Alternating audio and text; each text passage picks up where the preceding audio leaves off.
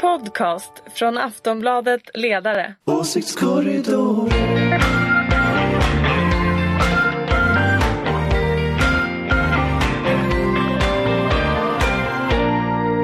Hej och välkomna till Åsiktskorridoren. Eh, det är den 16 september. Förra veckan öppnade riksdagen. På onsdag, det vill säga i övermorgon, presenteras budgeten. Det ska vi förstås prata om idag. Med oss har vi som vanligt Ulrika Schenström som är moderat. Yes, Från Aftonbladets ledarredaktion har vi Anders Lindberg. Hallå, hallå. Och så har vi en gäst, vi har Mikael Odenberg här. Hej hej, Du är tidigare försvarsminister, stämmer bra. eh, riksdagsledamot eh, Jajamän. under 16 år, googlade jag fram. Mm. Eh, Du har varit generaldirektör för Svenska kraftnät. Och nu är du ordförande för KI, Karolinska institutet. Inte att förväxla med Nya Karolinska. Tack, det gör alla. Ja, den är Anders brukar inte försitta en möjlighet att nämna NKS i den här podden, ska vi väl säga. Varje avsnitt. Jag har noterat det. Ja. Men vi ska försöka hålla oss borta. Jag kan inte lova någonting, men vi ska försöka hålla oss borta den här gången. Eh, vi, vi, vi ska sagt prata mycket budget och försvarspolitik ska vi prata om förstås. Eh, men vi värmer upp med en snabb fråga tänker jag. Eh, regeringsförklaring, ny, lite omflyttning i regeringen. Ann Linde tar över Arvfurstens palats. Blir hon en bra utrikesminister, Ulrika? Nej men jag tror att hon kommer bli bra och som jag sa i någon kommentar förra veckan så tror jag hon är kanske eh, väl, alltså bra i den bemärkelsen att hon är väldigt eh, tjänstemannastyrd tror jag. Hon är en högersosse. Jag tror inte att hon kommer att hitta på en massa saker. Och, jag tror inte hon är så känslig eller känslosam. Okej, vi, Eh, vi, vi ska inte vänta oss några nya stora krokar i utrikespolitiken. Nej det tror jag inte. Jag tror Okej. hon kommer vara lite så här ordning och reda. Mikael, vad tror du? Jag kan hålla med om det. Jag, menar, jag tror hon har en bra grund att stå på när det gäller eh, kunskaper och kontaktnät. Det är väl ingen stor estradör men kan bli en... Det kan inte alla vara. Nej. Nej. Anders? Ja, nej, men jag tycker att det är väldigt bra. Eh, Jag tror ju att eh, de borgerliga debattörer som, som tänker sig att det här ska vara liksom någon slags tjänstemannaperson som Ulrika sa, det, jag tror inte det kommer att vara det riktigt. Eh, Det kommer att vara en fortsättning av svensk utrikespolitik som den har varit förut, men men jag känner ju Ann Linde en del och hon är, har en ganska, ska jag säga, djup ideologisk förankring i en, en, en, en modern socialdemokratisk utrikespolitik skulle jag säga. Det är inte Palme vi kommer att se. okej, nej. nej men det är inte Palme vi kommer att se, det är snarare Anna Lind. Eh, Okej. så- Eh, så Ulrika viftar. Ja, Jag, jag vill bara förtydliga att för mig betyder en tjänstemannabakgrund eh, inte alls någonting som är dåligt utan snarare tvärtom. Nej jag förstod det men... men, men Mm. Bara så att alla som men- lyssnar men- vet att jag menade någonting positivt med det. Jag, jag tänker till exempel att i Israel-Palestina, när, eh, som ju direkt kom upp på agendan här när, när Netanyahu ska annektera Västbanken nu om han vinner valet. Det är klart att där kommer ju det här att prövas och då tror jag, de här, eh, då tror jag det kommer bli ungefär samma debatt som det var med, med Margot Wallström till stora delar. Okej, ja, vi får se. Eh, nu tar vi oss an budgeten. Det presenteras alltså i övermorgon. Men vi vet ju ganska mycket om den eftersom de har portionerat ut här diverse segrar. Eh, vi vet att skatten ska sänkas för pensionärer. Det finns en landbygd, landsbygdssatsning. En för mig lite förvirrande nyhet om vad bränslet egentligen kommer att kosta framöver. Eh, höjt statsbidrag till skolan men inte så höjt som man trodde. Eh, och pengar till en klimatomställning och så vidare och så vidare. Vad tror ni? Har Magdalena Andersson fått fram en bra kompromiss här? Mikael? Ja, jag vet inte. Eh, nå- några kritiserade ju budgeten för att det inte liksom finns någon sammanhållen idé och det kan väl ligga någonting i det. Alltså det Mm, det är ju ändå fyra partier här som... Så är det och det är väldigt mycket 73-punktsprogrammet i botten. Det blir en blandning av stort och smått. Eh, sen ska man ju vara medveten om att när, när eh, en upphetsad budgetdebatt så småningom hålls i, i riksdagen så handlar den om 50 miljarder på marginalen i en statsbudget som är över 1000 miljarder. Eh, vilket man lätt glömmer när man hör den politiska debatten. Mm. Okej, du se- ser lite med tillförsikt an, eller vad hur ska... Ja, tillförsikt vet jag inte men, men eh, det som befarar mig mest och som den här budgeten kanske i någon mån också signalerar. Det är ju att vi kommer inte med den här regeringen och det här samarbetet tror jag att få till de större strukturreformer som skulle behövas. Bland annat på skatteområdet och bostadsområdet. Utan jag befarar att det kommer att fortsätta att vara en sån här Lappa. blandning av stort och smått och lappa och laga. Anders? Vilket är ett bekymmer för Sverige. Tyvärr är det väl så att det behövs en rejäl kris för att Ja, men och få ordning på det politiska stampar. Det pratas ju beslutsfattandet. om eh, sviktande konjunkturer. Vi får se. Eh, Anders, vad säger du? Alltså jag, jag, jag, tycker det var lite fascinerande i veckan att se att, att det kom då regeringsförklaringen förra veckan, sen kom LOs eh, eh, jämställdhetsrapport, jämlikhetsrapport förra veckan, som ju visar då att, att eh, Sverige blir ett allt mera ojämlikt land. Eh, sen 70-talet så har man fallit från liksom bäst på, på jämlikhet i världen till på nionde plats i OECD. Och det är klart att, att, att här ser vi ju ett, ett samhälle som så rivs sönder. Och där man får ökad polarisering, man får ökade konflikter, man kommer att få, få ganska stora grupper som står helt utanför. Och då, då, när man lyssnar på regeringsförklaringen å andra sidan så finns det liksom inga åtgärder för något åt detta. Och det där kan jag liksom känna lite att, att, eh, det finns på något sätt en stor beskrivning av stora problem Sverige står inför men det finns liksom inga lösningar riktigt på det. Och, och det där socialdemokratin brukar vara ganska bra på att liksom formulera den här berättelsen. Mm. Men de får ju inte riktigt göra det själva nu. Nej, dels så tror jag det är Centerns och Liberalernas fel. Eh, men, men, men,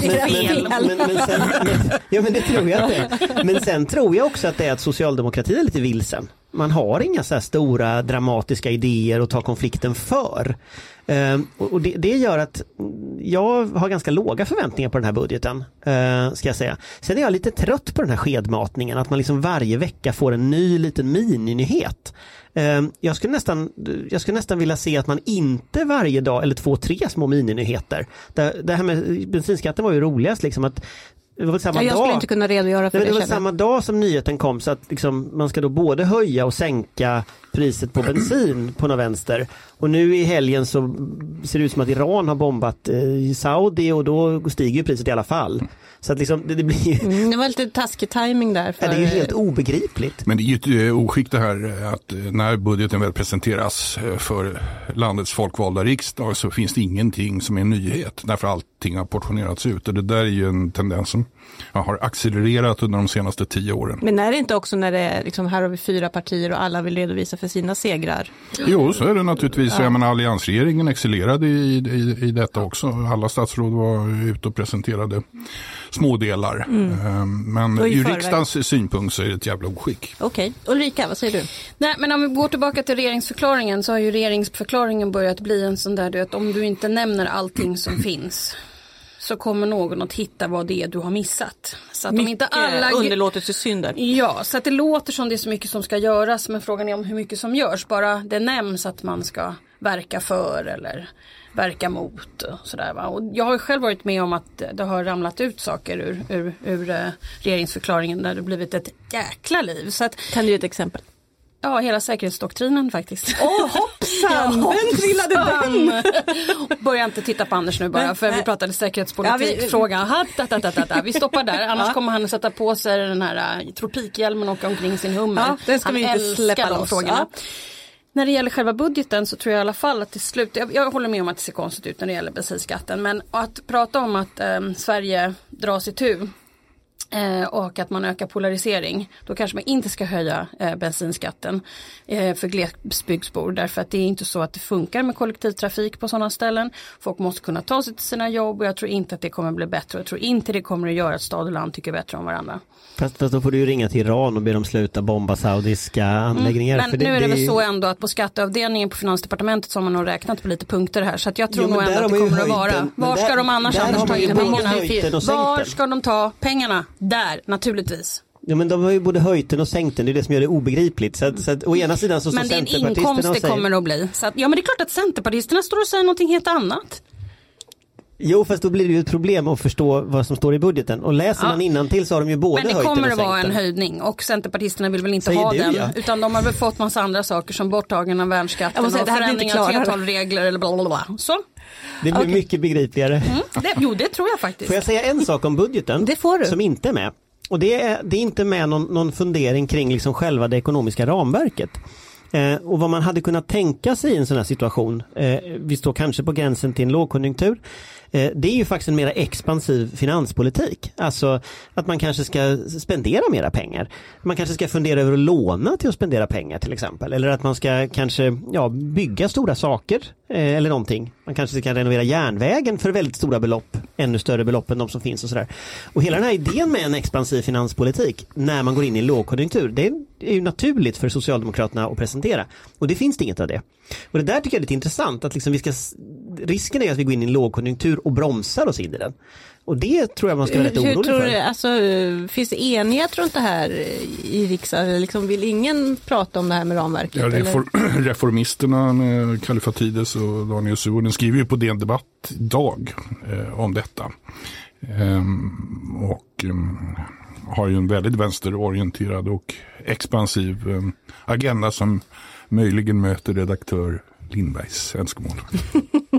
Ja, det, vad, står, vad säger eh, högern då? Om, Ehm, Ja, jag tror att man kommer att vara väldigt försiktig där att börja rucka på ramverket. Men det gäller ju faktiskt så här långt även för finansministern. Om man lyssnar till vad hon har sagt i olika sammanhang. mm, så det verkar ändå finnas liksom en enighet i riksdagen. Och så, för, för reformisterna sitter ju inte där än. Tired of ads barging into your favorite news podcasts? Good news. Ad-free listening is available on Amazon Music for all the music plus top podcasts included with your Prime membership. Stay up to date on everything newsworthy by downloading the Amazon Music app for free or go to amazon.com slash news ad free. That's amazon.com slash news ad free to catch up on the latest episodes without the ads. Skulle jag säga. Nej men alltså jag, jag kan tänka mig att om man tar detta från ett socialdemokratiskt perspektiv så är det jättebra med reformisterna som inte håller, som håller vänsterflanken kvar i partiet som kan eh, hänga med Suhonen och Kallifatides och sen så och det finns ju en risk också om man tappar ännu fler till SD. Jag tror ju ändå att socialdemokratin har ett, eh, ett ganska stort långsiktigt problem. Eh, Många är ju liksom fokuserade på att Moderaterna nu är, är liksom marginaliserade efter den här uppgörelsen med, med Centern och Liberalerna. Det är ju sant. Eh, Men det är klart att... Och har en del interna konflikter får man väl ändå. Ja, men jag skulle nog säga att. Socialdemokraterna eh, är på ett sätt känns det värre ute. Det är klart att kallar man in landstingsråd och kommunalråd och riksdagsledamöter och sätter dem på en extra kongress då kommer man eh, inte ha så svårt att få stöd för ett fortsatt socialdemokratiskt regeringsinnehav även till priset av borttagen värnskatt och 73-punktsprogram. Men åker man till fackklubben i Säffle så är jag inte övertygad om att tongångarna är likadana. Så att eh, det finns ett inbyggt problem, Anders var ju inne på det här också, eh, som, som kan växa sig ganska stort. Men, men jag, jag är fundersam på vart, vad, vad nästa steg är. För att om, om, det här, om, om vi får en budget nu som är 73-punktsprogrammet d- då har man ju rivit av rätt mycket av det man var överens om. Då är det tre år till, eller två år till nu. Mm. som det man ska li- ligger här i mitt nästa liksom- i min Okej. fråga. Man säga. Jag, alltså, kommer det att hålla i, i ja, två höstbudgetar till ska fram då före valet? Ja, mitt stalltips är ju att den här eh, regeringen kommer att sitta kvar mandatperioden ut med det här samarbetet. Men över tid så är det ju inte Till vilken kostnad kan man Ja, det återstår att se. Eh, Det kan bli väldigt stora spänningar. Men eh, mitt stalltips är ju ändå att, att regeringen kommer att kunna sitta kvar. Ulrika? Nej jag håller helt med, det Mm. har jag tippat på länge och det är ju också, jag menar när såg du senast en socialdemokrat lämna ifrån sig sin klubba? Nej, det var inte, Ja, inte inte, igår. Eh, Anders? Nej, men jag, jag, tror att, jag tror att den sitter kvar om inte Jonas Sjöstedt fäller den. Eh, Jag tror att det största problemet är om man, om man liksom klantar till arbetsmarknadsreformer eller arbetsrättsreformer och sånt. Att det, att det på något sätt hamnar i klantar till, det, det är väl Centern som har taktpinnen Ja, där? det har Centern, men det är inte bara Centern utan det är också så att med ett annat opinionsläge med, med eh, om Vänsterpartiet börjar gå upp så kommer säkert Vänsterpartiet också vara sugna på att liksom dra, i, dra undan mattan för det där. Och det finns ju inget som helst stöd inom socialdemokratin för några förändringar av arbetsrätten. Så det finns ett stort problem. Men sen tror jag att så länge Moderaterna agerar som Moderaterna gör just nu så behöver inte Socialdemokraterna Nämligen då? Nämligen att man blir ganska irrelevanta. Man blir väldigt arg. Eh, När man blir argare och argare. Så fort man sätter liksom en mick under så här, Johan Forsell eller Ulf Kristersson i, i tv så låter de jättearga på allting. Men går inte det hem just nu? Folk verkar ju gilla arga politiker. De går inte upp i opinionen. Nej, jämfört med hur Anders brukar låta på Aftonbladets ledarsida så tycker jag att de är väldigt väna och ödmjuka i tonen. Du får gärna komma hit lite oftare ibland, trycka till honom lite då och då. Jag, tror, jag tror faktiskt inte det där funkar. Eh, och jag tror att vi, vi är på väg in i ett annan typ av tonläge när det gäller eh, hur det politiska samtalet förs. Att det blir mer sakorienterat. Och då måste även Moderaterna komma med liksom idéer som får är... du tro det? Jag ser det inte kan jag säga. Eller? Ja, jag tror det därför att va, det är inga val. Eh, Och val gör att den politiska temperaturen ökar. Nu har liksom valen varit. Eh, och nu, nu kommer liksom ett vardagsarbete att gå in. Vanliga frågor kommer att komma. Och då tror jag någonstans att politikerna måste ha svar. Och då kan man liksom inte bara vara fast i spel hela tiden. Ehm, och då tror jag någonstans att nej, det där kommer nog man tvingas att anpassa sig. Och om det då är så att det här liksom Löfven och hans stödpartier i lugn och ro kommer att kunna regera och vara de som är på tv varje kväll och är trygga. Det är klart att det är en jätteknepig situation att vara opposition i det läget. Och skulle det vara val idag så skulle regeringen sitta kvar. Vi får se vad som händer. Vi ska gå vidare. Eh, en av stora knäckfrågorna i hela det här samarbetet var ju försvarsfrågan eh, som ju bröt ihop i våras. Eh, men nu har man alltså enats och eh, man är alltså om ökningar om 5 miljarder per år under fram till 2022. Är det det? Ja. 2025. 2025, förlåt. Ehm, med den takten betyder det att vi snart är uppe i en försvarsbudget på 80 miljarder om året. Börjar inte... 84. 84 till och med! Räcker det inte snart, Mikael? Nej, det gör det nog inte. Men eh, låt oss se tiden an. Jag, jag, jag har aldrig varit särskilt road av den här exercisen när man eh, sätter upp ett visst eh, procent av BNP vid en viss oklar tidpunkt långt bort i tiden. Utan det viktiga är att eh, man liksom sätter igång. Och det handlar om att över tid successivt ge eh, ökade anslag. Och det är väl bra tycker jag att det politiska systemet ändå har kunnat skapa en så pass bred enighet eh, kring detta. Och i backspegeln så tycker jag väl också att det här sammanbrottet inom citationstecken som var med försvarsberedningen var ganska var ganska obegripligt egentligen. Eh, det hade inte varit några svårigheter för Löfven att ge klartecken till von Sydow och Socialdemokraterna att skriva på det där. Varför tror du inte gjorde det då? Ja, alltså, det var ju uppenbarligen diskussioner internt eh, eh i regeringen. Um, och det är klart att varje, försvar, eh, varje finansminister värjer sig mot att uh, få sådana här stora anslagsökningar uh, inlagda ehm, eh, för flera år framåt. Um, och försvarsministern um, hade invändningar av, av typen att uh, ja, men vi, vi måste ju sen ha en årlig prövning i budgetsammanhang. Och det är ju alldeles korrekt, det kommer man att ha. Och det kommer under resans gång att behöva göras många justeringar i, i, eh, i den budgetplanering som nu föreligger. Du, du avgick ju i protest mot eh, nedskärningarna i försvaret. Ja, framförallt eh, i protest mot, eh, ja, mot att eh, försvarspolitiken skulle styras av finansdepartementet och inte av försvarsdepartementet och att man liksom föregrep eh, hela beredningen. Eh, Men vi ska ju vara klara över att den, den här resan som vi inledde nu, eh, den är ju väldigt mödosam. Alltså det, det är jättekul att köpa något nytt sexigt vapensystem. Men när man gör det så måste man också ha soldater som kan bemanna det. Och ska man ha soldater som kan bemanna det så måste man ha officerare som kan utbilda det. Alltså det är väldigt många saker som, som måste hänga ihop. Och det tar ganska lång gör, tid. Det kommer att ta sin tid. Ehm, och det är också så att planeringen kommer att behöva modifieras många gånger. Just för att hela kedjan ska hänga ihop. Men hur har det känts att stå på sidlinjen liksom med den här vändningen som har kommit liksom senaste året i försvarsfrågan? Alltså det är ju ett fantastiskt eh, underbetyg till hela det politiska systemet och till alla inblandade partier, inget nämnt och inget glömt. Eh, att vi gjorde den här väldigt eh, destruktiva nedskärningsresan i början på 90-talet. Det har ju kostat väldigt mycket.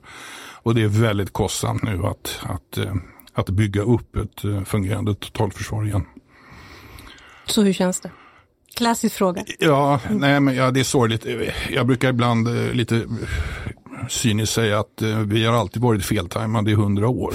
Eh, försvaret har varit som starkast eh, när hoten har varit som svagast och försvaret har varit som svagast när hoten har varit som störst. Eh, Men som sagt, det är ett, det är ett underbetyg eh, till det politiska systemet. Försvars och säkerhetspolitiken måste vara långsiktig. Mm. Anders, vad säger du? 84 miljarder. Nej, men jag, jag, jag tror ju tyvärr inte att det, det kommer att räcka och det beror ju på att Ryssland fortsätter dels sin upprustning men dels också att man är så oerhört aggressiv eh, mot eh, Ukraina inte minst men också andra länder. Vi vet inte vad som kommer att hända i Baltikum framöver även om, om, om eh, så att säga, retoriken inte har varit tydlig därifrån men titta på en karta så ser man ju att längs hela Rysslands gräns så är det frusna konflikter från nerifrån Mellanöstern hela vägen upp. Och det är klart att, att, att det är ett, ett jätteproblem och jag tror ju inte att om Ryssland vill testa NATO eller testa väst så kommer man liksom att anfalla ett land. Men man kommer att göra sådana här små grejer. man kommer att tugga lite i en gråzon. Kanske eh, det kommer kanske att vara så här upplopp upp eller sådana här små gröna män, alltså soldater utan eh, nationalitetsbeteckningar som dyker upp plötsligt i ett NATO-land eller sådär. Inte så att det kan motivera ett krig men lite grann kommer man att hålla på. Och det där har man hållit på ganska länge med nu. Eh, så jag tror ju tyvärr att det kommer bara att bli värre. Men sen tycker jag ju det här, det, jag tycker precis som Mikael säger, jag tycker det är jätteunderbetyg åt det politiska systemet att man inte blev överens i våras. Nu har man ju blivit överens och nu är det ju det, på ett sätt så finns det ju en parallell till när, när Mikael avgick, som ju var att Finansdepartementet tog över. Det var ju det som hände i våras. Eh, nu löste ju socialdemokratin på ett annat sätt i det här fallet, man, man gav sig helt enkelt. Eh, vilket var ju bra. Men jag tror ju att det här är någonting som, eh, jag menar den spänningen som finns, att kommunalråden anser att pengarna ska vara någon annanstans och att Finansdepartementet inte vill bygga, den kommer fortsätta finnas. Så att det här är en riktig konflikt. Så att vad som ska hända sen efter 2025, det tror jag är skrivet i stjärnorna. Mm. Ulrika, vill du tillägga någonting? Jag skulle känna mig lite förmätet om jag nu skulle ha någon annan åsikt här än, än framförallt en av de stora experterna i landet ju alltid på det här. Gebba emot. Ja, jag vet, men jag kände att just skull, idag kom kanske jag igen. skulle ta och vara lite ödmjuk. Halvering av försvaret, kom igen Ulrika. Nej, jag tror faktiskt idag. Nej, jag, jag, jag, Okej. jag, jag släpper det. Ja, okej.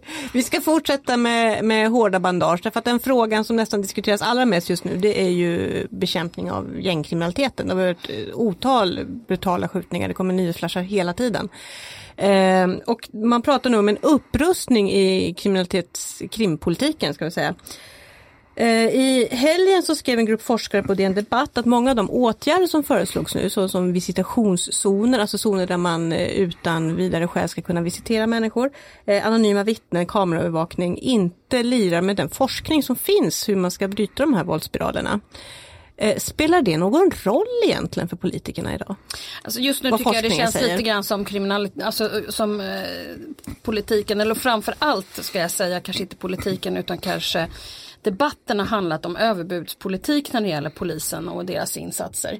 Vi har 10 000 nya Men poliser. vi ska ha gjort sagt i flera år nu. Ja men håll på med det hur länge som helst och nu kommer nästa sån här grej med överbudspolitik om att det här ska vi också ha och det här ska vi också ha. Du vet, det kommer ju ta tid, precis som försvarspolitiken och försvaret kommer ta tid att bygga upp. Så det är klart att polisen, det, det är inte så att så här, nu säger Moderaterna att de vill ha 10 000 fler poliser. Ja, nu är det väl jättebra, men vet du hur lång tid det kommer ta att rekrytera dessa personer? Det finns ju inte så många. Utbilda de här människorna. Då är det väl bättre att liksom både göra det men kanske inte prata om antalet fram och tillbaka utan att kanske se till att poliser gör det som poliser bör göra.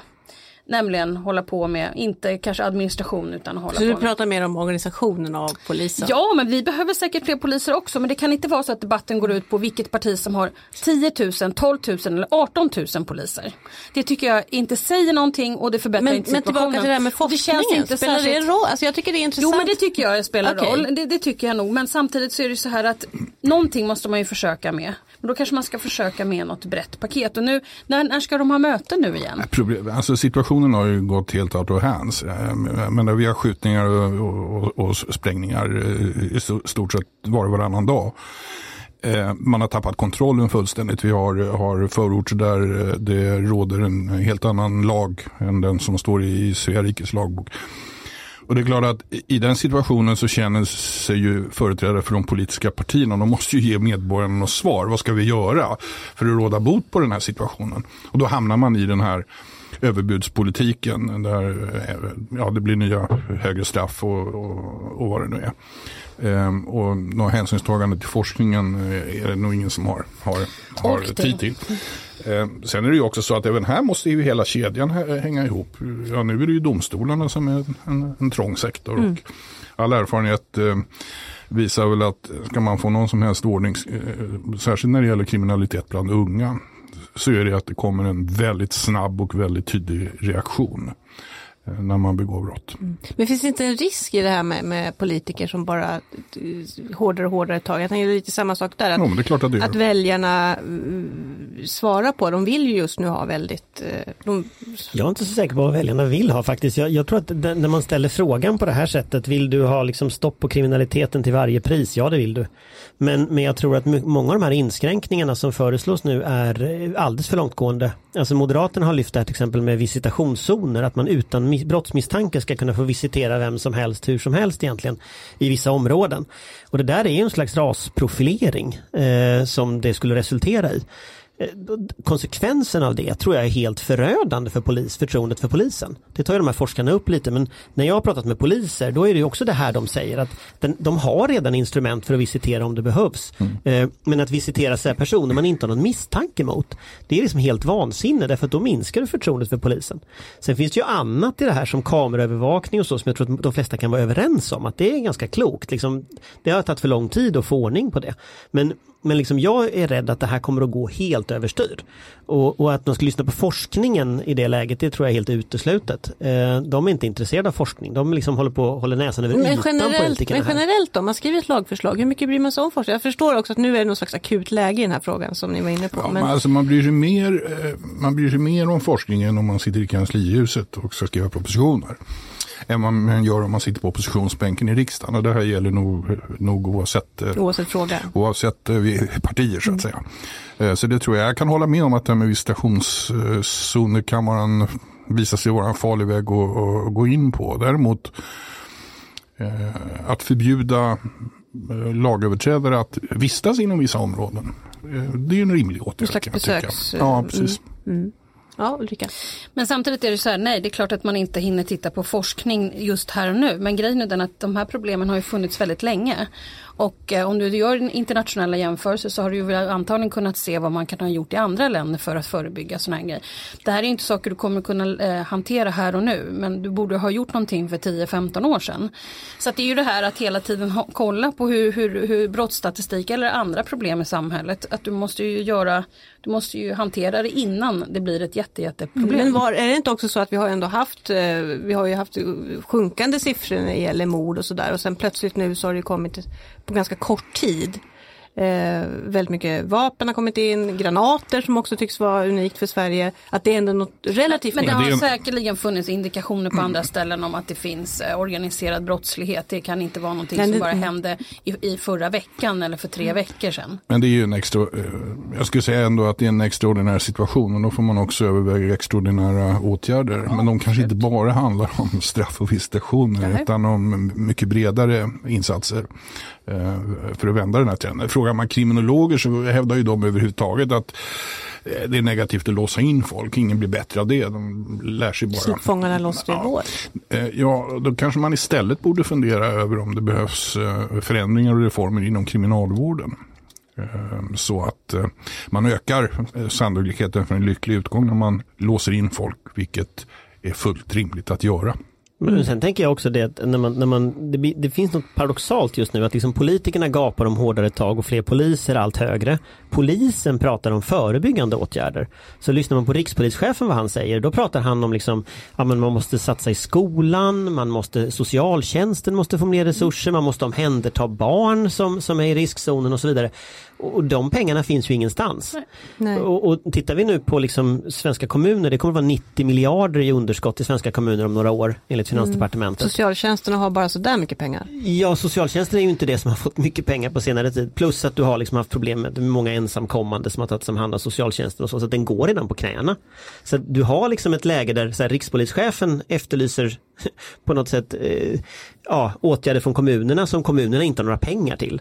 Eh, och det är klart att alltså, ska man göra något åt detta då, det, då måste man ju göra som den här polissatsningen man gör, 10 000 fler poliser, då får man göra motsvarande satsning på kommuner eh, för, för liksom socialsekreterare och speciallärare och så.